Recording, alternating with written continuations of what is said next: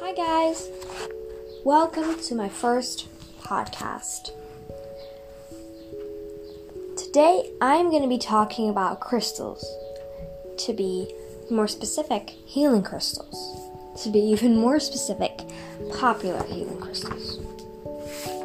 First, I'm just gonna I'm just gonna uh, say a couple of them, and I'm gonna um, yeah I'm gonna say a couple of them, and I'm gonna say the what it does and how not, not and probably how you can use it.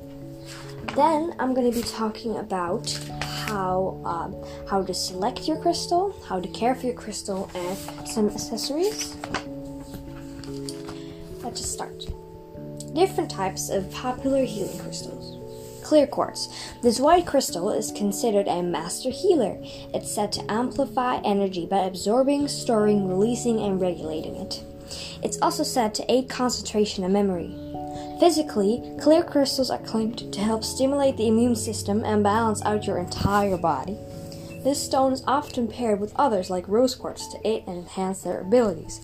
Okay, I really like clear quartz, clear quartz, I'm sorry, clear quartz because I'm sorry, I'm Dutch so I can't really say everything every single English word as good, but clear quartz is great. Clear quartz is amazing.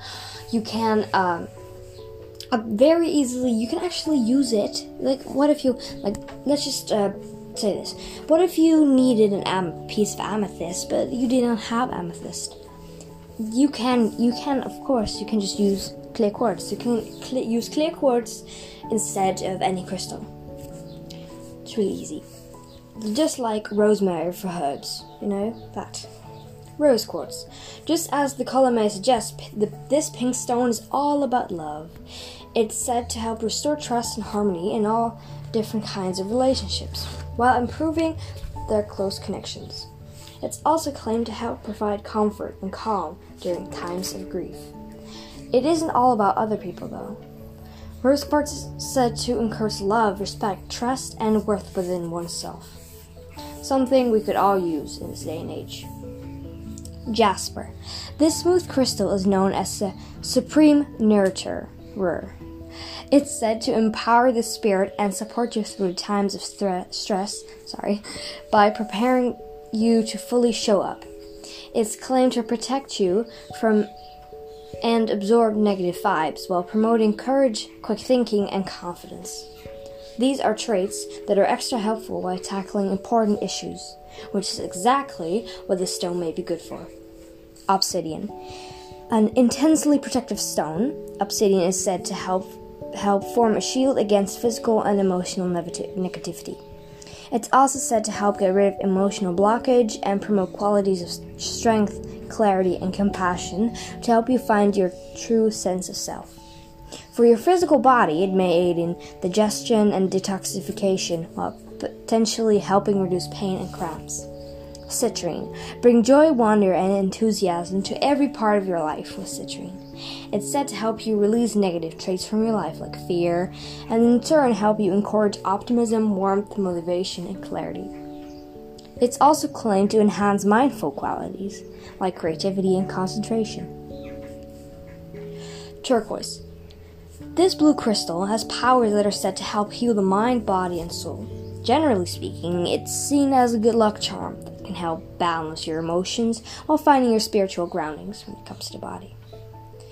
It's said to benefit the respiratory, skeletal, and immune system. Tiger's Eye. If you're in need of any power or motivation boost, this gold stone may be it for you. It's said to help get rid of your mind and body of get rid in your mind and body of fear, anxiety, and self-doubt. This can be beneficial for career aspirations or even matters of heart. Tiger's Eye is also said to help guide you to harmony and balance, to help you make clear, conscious decisions. Amethyst. This purple stone is said to be incredibly protective, healing, and purifying.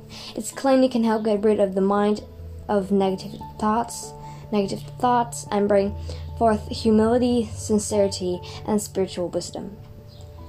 It's also said to help promote sobriety. Sobriety. Sleep is another claimed benefit of the stone. from supposedly aiding in insomnia, relief to insane dreams. Physically, it's said to boost hormone production, cleanse blood, and reduce pain and stress. Moonstone, known for new beginnings. Moonstone is said to encourage inner growth and inner strength. When you're starting fresh, this stone is purported to also soothe those uneasy feelings of stress and instability, so you're able to move forward successfully.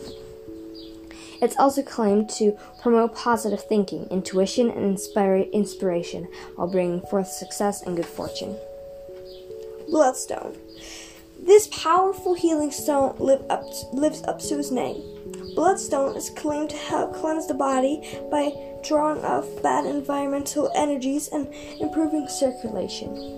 Mindfully speaking, it encourages selflessness, creativity, and idealism while helping you live within the current moment. It's also said it can help you get rid of yourself of feelings of irritabil- irritabilities. What? What? Wait. What? Irritability. Irritability. I don't know. Aggressiveness and impatience. Sapphire. This blue stone is one of wisdom and royalty. It's said it can affect it can attract prosperity, happiness, and peace while opening up the mind to accept beauty and intuition. As for physical health, this stone is claimed to help eye, eye issues, cell- cellular levels, I don't care, I don't know, and blood disorders, while also eating depression, anxiety, and insomnia. Ruby, a red standout. This stone helps restore vitality and energy levels. This can help improve things such as sensuality and intellect. It's also said to help bring self awareness and a realization of truth to one's mind. Rubies were used in the ancient times to help remove toxins from blood and improve the overall cir- circulatory system. Sorry. Now I'm going to be talking about how to select your crystal. How do you find the crystal that is for you? First things first, identify what you feel like you're missing before looking into what stones can provide to you. This will help you indicate what's going on with, within yourself before depending on outside sources. From there, you just let your intuition choose what's best for you, actually. Um, whether a crystal catches your eye or you can feel a physical pull towards one, your inner subconscious will help you guide to the crystal that's right for you. Once it's picked out, you can create the connection you need. Now I'm going to be talking about how to care for your crystal because that's very important because otherwise you don't want your crystals to break or to get foggy because that helps that works sometimes. When you first bring your crystal home, you want to cleanse it right away. Any negativity has begun. You can hold it under cold running water from a tap or rinse it in a natural source of water. Either way, be sure the water is cool, not warm or hot. So I have a thing about that. Not all do your research before you put crystals on the water.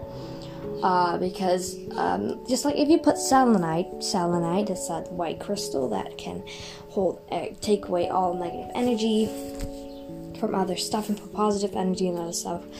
That crystal, selenite. If you put that on the water, it dissolves and that is very poisonous. You do not. It's kind of becoming acid then, uh, with a couple of other things, um, crystals. If you put those in the water, it actually can burn your skin because it's kind of make because of course they're chem- made chemicals. So you want to watch out for that. But just do your research before you do anything like that to them.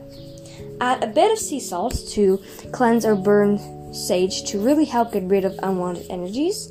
You can also leave it out to dry in the morning sunlight or full moonlight to let the light filter tr- through. Yeah, that's quite through. Through. oh my god. True. It's not just about their physical care though. For crystals to work their magic, you mentally have to remove the negative energy or skepticism you may have about their capabilities. It's important to respect what they can do for you. Yeah, that's, uh, yeah.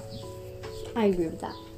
Now I'm going to talk about you don't, of course, have to carry around crystals. You can also make them heavier in jewelry. The main benefit of crystals may be their healing abilities, but if being perfectly honest, they're also really beautiful. Yes, indeed. And so it's no surprise that people make tons of accessories out of them, like jewelry or home decorations. Not only will the crystals look nice, keeping a good energy around would never hurt anyone. Yes, I I totally agree with that. By the way, I'm reading this from a book. so that was this podcast. Um, next time, I'm going to be talking about tarot. I think yes, and um, after that, probably astrology or maybe a tarot part two. So. I'm definitely going to be talking about different kinds of crystals, probably. I mean, there's not really different kind of crystals, but I'll just do some research on that and then I'll I'll see you next time. Bye.